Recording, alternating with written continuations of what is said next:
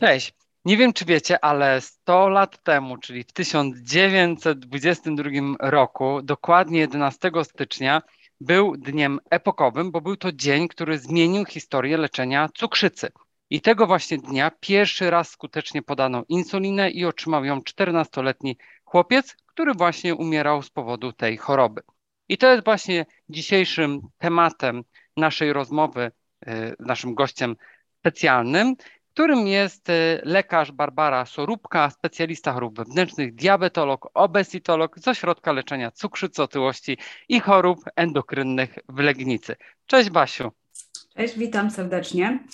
Tak, dzisiaj rzeczywiście mamy taki przełomowy dzień, ważny bardzo dla pacjentów z cukrzycą, zwłaszcza tych leczonym insuliną, bo wcześniej cukrzyca była chorobą śmiertelną, o czym może nie wszyscy mają taką świadomość.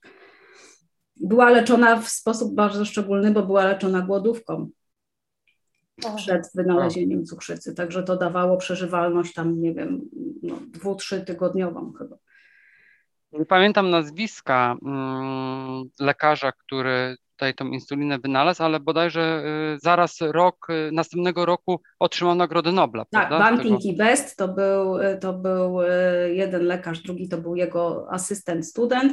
Banting i Best dokonali odkrycia, a rok później rzeczywiście jest to podobno najszybciej przyznana Nagroda Nobla w medycynie, bo już półtora roku jakby od zastosowania leku. E, także dostali rok później e, Banting i jego szef e, McLeod dostali Nagrodę Nobla w dziedzinie medycyny za odkrycie insuliny. No właśnie, ale jak już o tym rozmawiamy, to może czy mogłabyś nam wyjaśnić właśnie na początku, bo dużo słyszymy cukrzyca, cukrzyca, no ale są różne rodzaje cukrzycy. Czym się różni na przykład właśnie cukrzyca typu pierwszego od cukrzycy typu drugiego? I, i jakie mamy rodzaje cukrzycy. Chyba jak właśnie.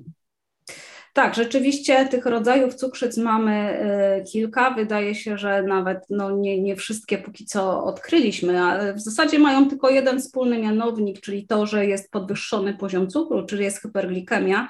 A tak w zasadzie no, według definicji y, to jest grupa chorób, która właśnie charakteryzuje się przewlekłą hyperglikemią, która a, a wynikająca e, z braku insuliny bądź z błędnego, e, z wadliwego działania insuliny, e, a z kolei ta przewlekła hyperglikemia może prowadzić do uszkodzenia poszczególnych narządów, zarówno z dużych naczyń, małych naczyń, czyli makro, mikroangiopatii uszkodzenia serca, nerek czy narządu wzroku. E, w typie pierwszym jest to, mm, mam te, te, główne cukrzyce, to mamy typ pierwszy, typ drugi, e, typ trzeci, czyli tak zwane cukrzyce wtórne. E, i typ czwarty, czyli cukrzyca e, ciążowa. Typ pierwszy e, stanowi mniej więcej 10% wszystkich, wszystkich przypadków cukrzycy. Jest to choroba z autoagresji, gdzie organizm wytwarza przeciwciała przeciw własnej trzustce, czyli mechanizm jest podobny jak w chorobie Hashimoto, są to jakby choroby z jednej grupy, czyli organizm sam niszczy e, własny narząd. W wyniku tego dochodzi do bezwzględnego e, braku insuliny i pacjent, żeby przeżyć, musi mieć tą insulinę podawaną z zewnątrz, naśladując w jak najbardziej fizjologiczny sposób to wydzielanie, e, wydzielanie trzustkowe. E, cały czas te insuliny mamy coraz bardziej doskonałe i jakby zbliżamy się, pompy mamy coraz bardziej doskonałe, zbliżamy się tutaj coraz bardziej do ideału, aczkolwiek jeszcze no, nie udało się osiągnąć tego, co, mm, e, co stworzyła natura. E, ale jesteśmy coraz, e, jesteśmy coraz bliżej. Typ drugi to najczęstszy typ cukrzycy, to jest prawie 90% pacjentów. Pandemia w tej chwili w zasadzie na świecie, mm, e, zresztą no WHO cukrzycę określiło mianem epidemii jako chyba jedyną chorobę niezakaźną. Żaden kraj póki co sobie nie poradził z tym, to jest jak kula śniegowa w tej chwili. E, prognozy te, które są, bo to już choruje prawie pół miliarda w tej chwili, e, niedługo będzie jeszcze więcej chorować. Te, te, te jakby pułapy, które są e, estymowane, osiągamy wcześniej niż wcześniej się zakłada. I tutaj najczęstszą przyczyną, tak mówiąc bardzo prosto, jest najczęściej jest otyłość czyli no to są nasze zaniedbania, czyli brak ruchu, nieodpowiednia dieta to jest najczęstsza przyczyna tego. U podstaw tej cukrzycy leży insulinooporność w pierwszej kolejności, która narasta, narasta, narasta, później osiąga plateau, a do tego dołącza się defekt jeszcze komórki beta-trzustki powodując e, zmniejszone bądź też upośledzone działanie insuliny i tak powstaje, do, powstaje cukrzyca typu drugiego.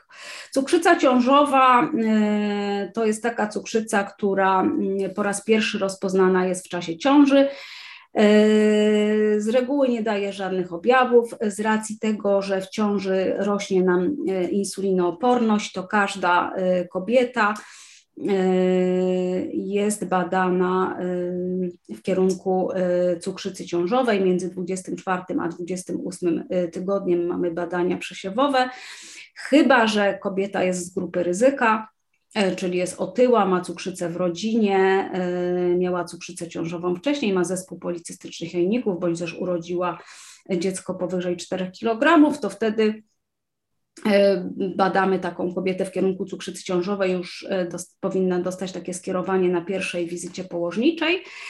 E, no i te, ten typ trzeci, czyli typ wtórny, najczęściej to są mm, osoby, które przebyły jakieś choroby trzustki, czy przewlekłe zapalenie, czy nowotwór trzustki, mm, mukowiscydoza, E, cukrzyce posterydowe po leczeniu interferonem, mm, e, bądź też przy niektórych e, chorobach genetycznych, bądź też określone takie genetyczne typy cukrzycy, tak zwane cukrzyce mody. To tak można powiedzieć w skrócie o, o rodzajach cukrzycy. No, te najczęstsze, czyli pierwsza i drugi, pierwszy i drugi typ, no to w zasadzie poza hyperglikemią, która jest wspólnym mianownikiem, to są to zupełnie dwie różne choroby.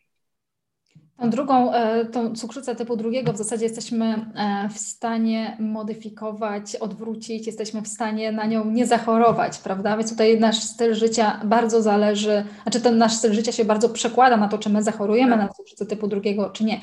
A jakie są takie pierwsze objawy, gdzie pacjent mógłby wyczuć, coś, coś u siebie e, zauważyć, z czym miałby się zgłosić do lekarza? Na przykład w przypadku właśnie tej cukrzycy typu drugiego. Cukrzyca typu drugiego najczęściej rozwija się na początku bezobjawowo. Stąd tak ważna jest profilaktyka yy, i żeby profilaktycznie się badać, zwłaszcza jak się jest z grupy ryzyka. Ale yy, żeby dała już objawy, to musi być yy, dość istotna hyperglikemia, czyli musi być, te cukry muszą być tam gdzieś około 300 czy więcej. I wtedy pojawiają się takie objawy, które występują zawsze przy rozwijaniu się cukrzycy typu pierwszego, gdzie ona się rozwija gwałtownie, to musi być, e, wtedy pojawia się e, zwiększone pragnienie, zwiększona ilość oddawanego moczu. Pacjent wstaje kilkukrotnie w ciągu nocy, pije sika, pije sika na przemian, to są czasem to jest kilkanaście litrów na dobę. Pojawia się chudnięcie, pojawia się senność, pojawiają się mm, zmiany ropne na skórze, e, pojawia się osłabienie. To są takie główne, główne objawy, które się mogą pojawić, ale tak jak powiedziałam, cukrzyca typu drugiego bardzo często jest rozpoznana przy okazji zawału, przy okazji udaru i wtedy się okazuje, że ta cukrzyca już trwa, a to już jest powikłanie właśnie nieleczonej cukrzycy my na pewno z doświadczenia takiego dietetycznego wiemy to, że pacjenci się do nas często zgłaszają właśnie z powodu na przykład nadmiernej masy ciała i jak poprosimy o wykonanie pewnych badań, to okazuje się, że zalecamy także kontrolę u diabetologa, tak? Więc e, my się tutaj najczęściej z tym spotykamy. Ja w szpitalu także, tak jak e, mówiłaś, e, także u pacjentów właśnie, zwłaszcza po zawale mięśnia sercowego, i pacjenci często dopiero w tym stanie mają wykonywane pierwszy raz badania od wielu lat na przykład, tak? Więc y, mhm. to są też takie sytuacje, w których po prostu gdzieś ta profilaktyka, nie, nie działa, albo pacjenci po prostu nie wykonują, no bo jeszcze też tak musimy to na pewno określić. E, no i pacjenci czasem badają sobie poziom glukozy i stwierdzają, jest w normie, e, nic się nie dzieje, no bo glukoza jest w normie, nie mam żadnego problemu. A co naprawdę trzeba by zbadać i jakie tutaj, jak spojrzeć na te badania? Dobry cukier naczczo niekoniecznie wyklucza cukrzycę. Dlatego, że jest sporo osób, którym jak się wykona y, tak zwaną krzywą cukrową, czyli doustny test tolerancji glukozy, to y, okazuje się, że na czczo rzeczywiście ten cukier jest prawidłowy, ale po dwóch godzinach on wcale prawidłowy już nie jest. Więc jeżeli E, osoba jest z grupy ryzyka, czyli jest otyła, mało się rusza, e, ma nadciśnienie, ma hyperlipidemię, ma cukrzycę w rodzinie, czyli rodzeństwo, e, czy rodzice, czy właśnie kobieta, która urodziła duże dziecko, czy ma zespół policystycznych jajników. To są te osoby z grupy ryzyka, czyli według zaleceń PTD co roku powinny być badane e, w kierunku cukrzycy. To są osoby, które są w grupie jakby czynnego poszukiwania cukrzycy, co roku powinny mieć tą diagnostykę. Tak samo każda osoba po 45 roku życia też taką diagnostykę powinna mieć zrobioną. E, także no, powinna być wykonana jednak krzywa e, cukrowa, ewentualnie jeszcze insulinowa, to już jest takie bardzo kontrowersyjne. E, bardzo różnie do tego. A mogę się zapytać?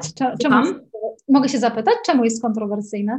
Dlatego, że no, część naszych mm, opinion liderów, że tak powiem, diabetologicznych, uważa, że jakby robienie krzywej cukrowej nie ma żadnego sensu i czegoś takiego jak mm, leczenie insulinooporności nie ma. No jak wiemy, insulinooporność nie jest chorobą, jest zaburzeniem metabolicznym. E, I o ile endokrynolodzy są bardzo za, o tyle diabetolodzy są bardziej sceptyczni, jeśli chodzi o insulinooporność i różnie to bywa. E, w każdym bądź razie krzywa cukrowa, krzywa insulinowa, jak najbardziej możemy zrobić hemoglobinę glikowaną. W tym roku w zalecenia PTD po raz pierwszy jest wpisane, że możemy rozpoznać e, cukrzycę na podstawie hemoglobiny glikowanej 6,5 i więcej tego nie było. Tutaj jakby dogoniliśmy inne kraje e, w, w 2021 roku. Może jeszcze wyjaśnimy dla naszych słuchaczy, czym jest ten parametr. Hemoglobina glikowana to tak mówiąc najprościej, to jest taki parametr, który nam określa, jakie są średnie cukry e, ze 120 ostatnich dni, czyli mm, tyle, ile żyje krwinka e, czerwona dokładnie. E, no, już nie będziemy rozwijać dokładnie, jak to się, jak to się tworzy, ale mówiąc w największym skrócie, i to jest parametr, który nam świadczy o tym, czy cukrzyca jest wyrównana, czy nie. Mamy określone progi dla e, wyrównania cukrzycy w różnych sytuacjach. I jak pacjent zbada sobie, zrobi sobie badania, bo na przykład poczyta na temat insulinooporności w internecie, zrobi sobie badanie insuliny, naszczo i glukozy, no i insulina wyjdzie trochę podwyższona, albo wyjdzie już e, ten wskaźnik HOMA-IR podwyższony, no to jakie najczęściej e, zalecenia słyszy od lekarza? Najczęściej od lekarza słyszy, proszę schudnąć. Mhm. Albo mówi, że jest ok. tak jest najczęściej niestety. Tak jest najczęściej niestety. Yy, no to jest przykre, bo to też yy, jakby do otyłości się odnosi, bo bardzo wielu pacjentów, yy, którzy jakby są świadomi tego, że jest to choroba, często szuka pomocy u, no, u lekarza rodzinnego, bo to jest najbliższy, no, naj, na, na, najbliższe, gdzie, gdzie tej pomocy można y, szukać, y, najbliższe miejsce. I ja nie mówię, że wszędzie tak jest, ale wielu pacjentów naprawdę się odbija, słysząc właśnie, proszę sobie zamknąć lodówkę i więcej się ruszyć. Y, no ale to nie jest do końca takie proste, tak? Bo gdyby leczenie otyłości polegało na zamknięciu lodówki, no to ja, nie tylko ja, no ani wy nie mielibyście kolejek do gabinetów, ani ja bym nie miała kolejki do, do, do gabinetu, bo to nie jest takie proste. Także Często ci pacjenci, którzy trafiają, to już przeszli przez, przez, odbili się naprawdę w wielu miejscach od ściany, właśnie słysząc tylko proszę, proszę mnie jeść, nie? A mówię, to nie, nie, nie jest takie proste. No właśnie tutaj też trochę akurat tak, że wychodzą nasze błędy systemowe także, bo jeszcze o ile przy poradniach metabolicznych e, czasami ten dietetyk jest i ten pacjent może się poradzić, tak przy lekarzu e, podstawowej opieki zdrowotnej dietetyka po prostu nie ma. Wiemy też, że jest e, mało specjalistów, mało lekarzy, i, a dużo pacjentów, mhm. więc też lekarz na pewno i nie ma tyle czasu, żeby poświęcić go pacjentowi, tłumacząc zasady zdrowego odżywiania, czy na przykład właśnie w cukrzycy, czy tam w innej jednostce. E, a druga rzecz, no mm, też kompetencyjnie nie musi się w tym czuć na tyle mocny z tego względu, że właśnie dlatego są dietetycy, prawda? Mhm.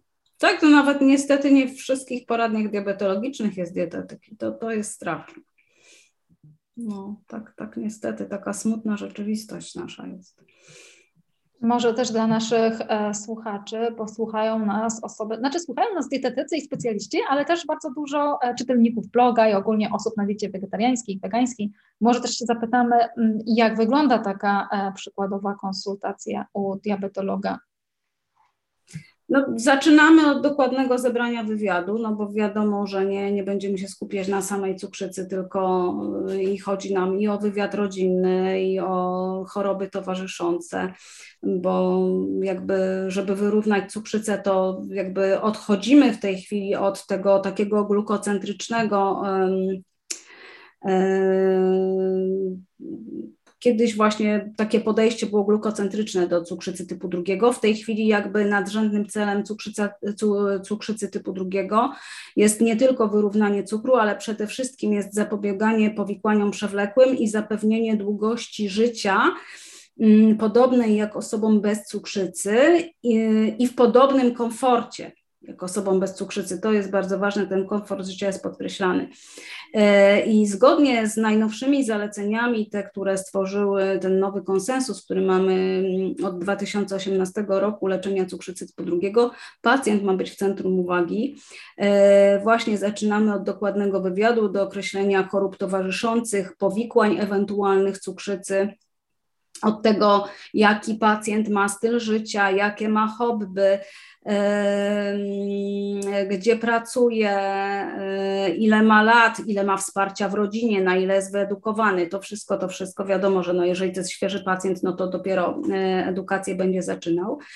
I musimy przedstawić pacjentowi wszystkie opcje leczenia i z, razem z pacjentem powinniśmy dokonać wyboru.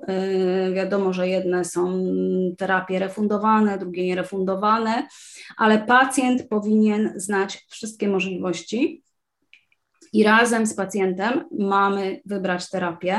Razem z pacjentem powinniśmy określić cel leczenia, do którego dążymy, czyli i wyrównanie cukru, i lipidów, i ciśnienia, i dążenie do mm, prawidłowej masy ciała. E, porzucenie papierosów ewentualnie, jeżeli są. E, I powinniśmy razem z pacjentem e, jakby no unikać inercji terapeutycznej, no my powinniśmy unikać inercji terapeutycznej, ale z pacjentem razem powinniśmy jakby no, korygować co 3-6 miesiące, jakby sprawdzać, czy idziemy w dobrym kierunku, czy też nie. Tak powinno być idealnie. A jacy pacjenci są najczęściej? Czy zdarza się często, że e, pacjent um, odpowiada, że o, to by chciał tabletkę i w zasadzie to, to nie ma zamiaru zmieniać nic w diecie? Czy częściej się jednak zdarzają pacjenci, którzy e, podejmują zmiany? Jak, jak u siebie widzisz w gabinecie? Znaczy, no jak to wygląda tak nie wiem? Mhm. Znaczy coraz więcej mamy świadomych pacjentów i to jest fajne, bo to rzeczywiście w ostatnich latach się e, bardzo zmieniło. Trochę też widzimy takie, może pandemia to trochę zmieniła też, ale y, widzimy, no jest taka zmiana trendu, mamy taką no, trochę modę na, na zdrowy styl życia i tak dalej, więc e, więcej e, osób jest jakby chętnych do tego, żeby ten swój styl życia jednak zmienić, żeby się mm, uaktywnić fizycznie, żeby skorzystać właśnie z porady dietetyka i coś w swoim życiu zmienić, aczkolwiek są pacjenci i to w różnym wieku, którzy oczekują, i to zarówno w cukrzycy, jak i otyłości, że oczekują cudownej tabletki, która najlepiej po tygodniu wyleczyłaby ich z cukrzycy, albo dałaby redukcję masy ciała w ciągu jednej nocy 30 kg i, i byłoby super, nie? Mm, no tacy też niestety są, no ale to tak chyba zawsze będzie.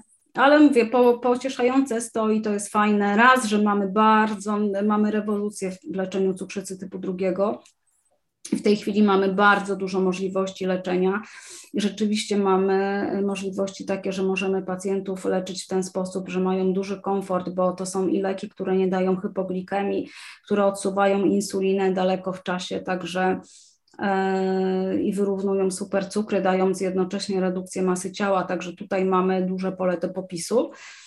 Yy, a dwa, że no mówię, świadomość jest też większa. No. Aczkolwiek no, edukacja, edukacja, edukacja, tutaj są duże braki, brakuje yy, w otyłości zwłaszcza, brakuje jak z mojego punktu widzenia jakichś kampanii takich medialnych yy, nastawionych na to, żeby, żeby uświadamiać bardziej jeszcze właśnie jak niebezpieczna jest otyłość, jak niebezpieczna jest cukrzyca, bo tego jakby nie widać. No właśnie, no bo mm, te wszystkie konsekwencje zdrowotne mogą być na tyle nieodwracalne, jak na przykład utrata wzroku, prawda? Więc też trzeba uświadamiać pacjentów, mm, czym to może grozić, e, jeżeli nie wprowadzimy ani leczenia, ani nie zmienimy stylu życia w odpowiednim czasie, bo cały czas cukrzyca będzie postępować. Tak, w tej chwili na szczęście już tych powikłań takich z drobnych naczyń, czyli te, tej ślepoty cukrzycowej jakby widzimy dużo mniej niż jeszcze kilkanaście lat temu, co wynika też z tego, że mamy coraz lepsze leki, że mamy narzędzia też do e, monitorowania cukrzycy lepsze, tak, że mamy no, lepsze insuliny, mamy lepsze glukometry, mamy CGM w tej chwili, także też te możliwości kontrolowania y, cukrzycy też są lepsze, czy, czy wyrównywania, także bardziej komfortowo pacjenci mogą żyć. To nie jest tak jak przy dawnych insulinach, że trzeba było odczekiwać te pół godziny, co rzadko było przez pacjentów stosowane, gdzie ta insulina się rozjeżdżała z jedzeniem i, i, i niekoniecznie te cukry były takie, jak chcieliśmy. Ja myślę, że tutaj też y, często taką trudnością jest to, że niestety E, cukrzyca nie boli, przynajmniej nie na początku i nie daje jakichś takich objawów, które są, mm, jak już człowiek na przykład bierze leki, my i tak mówimy inter, mm, razem z lekarzem, jak prowadzimy tych pacjentów, że jednak i tak musi ta zmiana stylu życia nastąpić, a człowiek już się czuje trochę lepiej, więc okej, okay, no biorę tabletki, nic nie muszę zmieniać, a potem właśnie okazuje się, że mamy jakieś stopy cukrzycowe, że mamy problemy ze wzrokiem, że mamy zawał mięśnia sercowego i tym podobne. E, I pacjenci na przykład też e, nie doceniają właśnie, że ta zmiana stylu życia, zmiana sposobu odżywiania, wsparcie rodziny, wszystko inne może przynieść fajne efekty. Troszkę, mm, ja to zawsze mówię, że pacjent, który ma problemy jelitowe, na przykład Iwona na pewno o tym wie, bo ma tych pacjentów bardzo dużo, jak zaraz po krótkim okresie czasu czuje się bardzo dobrze z nowym sposobem odżywiania, to chce to kontynuować, mówi wow, ja się czuję w końcu dobrze, nie boli mnie brzuch i tym podobne. A pacjent z cukrzycą, czy pacjenci moi kardiologiczni, tak tego nie odczuwają. I tu jest ta praca z tymi pacjentami też moim zdaniem pod tym względem cięższa. Tak, zdecydowanie jest ciężej, no bo to jakby no musimy uświadomić pacjenta, żeby chociaż duży cukier dawał pokrzywkę. To już by było inaczej, nie? Żeby to cokolwiek było, a, a tutaj nie ma nic i rzeczywiście, jeżeli pacjent jest nieświadomy, czasem jest nawet świadomy, ale jakby gdzieś to wypiera z siebie i, i sam przychodzi potem taki i, i mówi, byłem głupi, bo tak zrobiłem, bo już się poczułem świetnie i stwierdziłem, po co będę się leczył i przychodzi potem z cukrem 500 nagle, nie? Bo okazuje się, że 3 lata nie bierze leków, nie? No tak, tak, się, tak się zdarza, no bo rzeczywiście nie boli. Mierzy, mierzy, ma cukry 100, 120, wszystko świetnie i w pewnym momencie przestaje mierzyć, no bo skoro cały czas jest taki sam ten cukier, no to i, i mówię, po 3-4 latach okazuje się, że nagle jest ten cukier E, dużo, dużo większy i jest zdziwiony, skąd to się nagle tak wzięło, nie? My to zawsze staramy się jako dietetycy też troszkę odczarować to słowo, to dieta, dlatego że pacjenci myślą, jak usłyszą, że lekarz powie przejść na dietę, to człowiek już mówi, jejku, ja już nigdy w życiu nie zjem tego, co tak naprawdę tak. lubię i tym podobne, a naprawdę możemy indywidualnie dopasować to żywienie. Oczywiście no, musimy tutaj e, także pójść na jakieś kompromisy, ale naprawdę to żywienie może być fajne i może być, e, może być podobne i człowiek może e, zawsze gdzieś tam mieć w jadłospisie to, co lubi. Może nie zawsze w takiej ilości, w takich ilościach, ale naprawdę bardzo dużo rzeczy można zrobić, zwłaszcza na początkowym etapie, póki jeszcze nie jest zaawansowane stadium tej choroby. No i jeszcze kolejna rzecz, że też e, cukrzyca może się kojarzyć ludziom ze spożyciem większej ilości słodyczy, cukrów, e, lodów, ciastek, a tutaj chodzi o spożycie energii ogółem, że chodzi o spożycie wszystkich produktów łącznie, ile my spożywamy ogólnie w nadmiarze e, każdego dnia, więc tłuszcze, tutaj wszystko w zasadzie, energia ogólnie z różnych produktów. Tutaj tłuszcze też mają duże znaczenie, a nie tylko same cukry oczywiście. Tak, bo to często pacjent przychodzi i mówi, skąd ja mam cukrzycę, przecież ja nie lubię słodyczy, nawet nie słodzę herbaty, tak? Dokładnie. No. No dobrze, a czy na cukrzycę typu drugiego chorują tylko dorośli? Czy zdarza Ci się mieć teraz coraz częściej na przykład młodszych pacjentów? Tak, zdecydowanie tak. Ja co prawda jestem internistą i leczę tylko dorosłych, ale coraz więcej e, przychodzi już 18-19-latków z cukrzycą typu drugiego, ale mamy też już dzieci z cukrzycą typu drugiego, bo to są e, no niestety bardzo często otyłe dzieciaki, które chorują na cukrzycę typu drugiego, co, co kiedyś się wydawało, że jest to choroba wyłącznie ludzi starszych, to nawet nie było dorosłych, tylko ludzi starszych i stąd też teraz tak ważne jest to leczenie, bo skoro mamy ludzi gdzie, e, młodych, gdzie przed nimi jest całe życie, to też nie możemy ich leczyć w ten sposób, żeby, cukry, żeby żyli wyłącznie cukrzycą i żeby cukrzyca ograniczyła im E, totalnie życie, nie? bo no przed nimi e, cały czas ten e, edukacyjny, produkcyjny i tak dalej, no, no hobby i całe życie, tak? podróże i, i sporty. Także no, całe szczęście, że mamy w tej chwili te leki, które nam, że tak powiem, no, pomagają tym pacjentom leczyć ich w miarę komfortowy, komfortowy sposób. Ale to jest rzeczywiście duży problem, że, że to już dotyczy niestety też dzieci. Tak jak i cukrzyca typu pierwszego może pojawić się w zasadzie w każdym wieku. Także to też nie jest cukrzyca dzieci, jak się z kolei kiedyś tak, mówiło ludzi młodych, tak jest najczęściej, ale może pojawić się e, w każdym wieku. Mamy też tą odmianę LADA, czyli ta wolno ujawniająca się cukrzyca typu pierwszego, która występuje no, no w zasadzie w każdym wieku. Basia, a więc tak podsumowując na koniec, e, jakbyś miała dać przesłanie pacjentom, e, co mieliby robić na co dzień, żeby nie trafić do Twojego gabinetu, żeby uchronić się przed cukrzycą? E, jeżeli chodzi o cukrzycę typu pierwszego, tu zrobić możemy niewiele. Mhm. Jeżeli chodzi o y, profilaktykę cukrzycy typu drugiego, tu z kolei możemy zrobić wiele. To, co podkreślane jest najbardziej, to jest utrzymanie prawidłowej masy ciała, bądź jeżeli jest za duża, to mm, redukcja masy ciała. E, jeżeli nie jest możliwe zrobienie tego y, przy pomocy diety i diety i aktywności fizycznej, konieczna jest farmakoterapia bądź też leczenie bariatryczne, także utrzymanie prawidłowej masy ciała jak najbardziej. Poza tym yy, odpowiedni sposób odżywiania i aktywność fizyczna. I ta farmakoterapia nie musi być do końca życia, jeżeli pacjent w tym czasie będzie zmieniał swoje nawyki żywieniowe. Nie musi być do końca życia. To też jest to myślę, że to też jest ważne, żebyśmy podkreślili, że to nie jest tak, że to jest już do końca życia, bo zawsze coś tam można jeszcze, zawsze coś można i powinniśmy e, zmienić w masie ciała i w nawykach, no żeby odwrócić proces występowania cukrzycy. Także bardzo Jak dziękuję. nie, to chociaż polepszyć komfort życia. Dokładnie. Także bardzo dziękujemy Ci za rozmowę. Powiedz nam, gdzie Cię znaleźć, Barbara. Czy masz jakieś, e, czy, czy może media społecznościowe albo stronę internetową? Lekarz diabetolog, Facebook, Instagram. Zapraszam. Super. Zapraszamy w takim razie wszystkich naszych słuchaczy i do usłyszenia w kolejnym odcinku. Pozdrawiam serdecznie, dziękuję za zaproszenie.